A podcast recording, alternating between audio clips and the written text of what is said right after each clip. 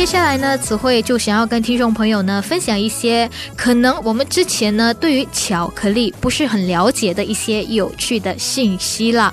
那我们的确啦，大家都很喜欢吃巧克力嘛，但是就是对于它了解的这个深度可能不是很深的那种。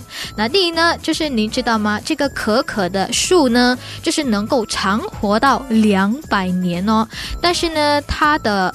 呃，生产的这个寿命呢，只能在它就是只只能有二十五年，所以如果二十五年过后生产就是产出的可可豆荚呢，是它的质量会比较不好的，所以呢，呃，不易被使用了。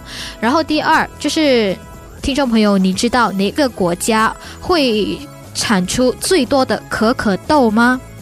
那世上呢，产出最多的可可豆呢，就是在非洲的西部 Ivory Coast 这个地方了。那每年呢，他们会产出两百万吨的可可豆哦，并且呢，在我们印尼呢，也是在全世界排名第六。那每年呢，会产出二十万吨的可可豆。那第三个小。第三个信息呢，就是白巧克力了。那有谁是喜欢吃 white chocolate 的呢？那其实呢，这个白巧克力不属于巧克力哦，因为呢，当中它不含有任何可可的成分，它只是有可可油，然后呢加入牛奶粉，那并且就制作出所谓的白巧克力啦。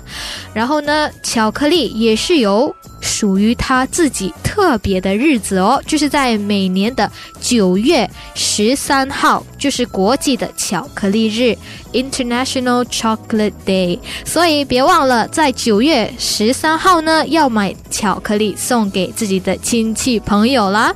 然后呢，第五就是在古代的时期呢，这个可可豆其实是非常珍贵的。那因此呢，在古代的时候也被人呢用为货币，就是 currency。然后最后一个要制作出四百五十克，就是 four hundred fifty grams 的巧克力呢，是需要用到大约四百个可可豆哦。所以呢，每一次丰收，呃，一棵树呢，一颗可可。一棵那个可可树呢，大约能够生产出一千五百到两千五百的可可豆。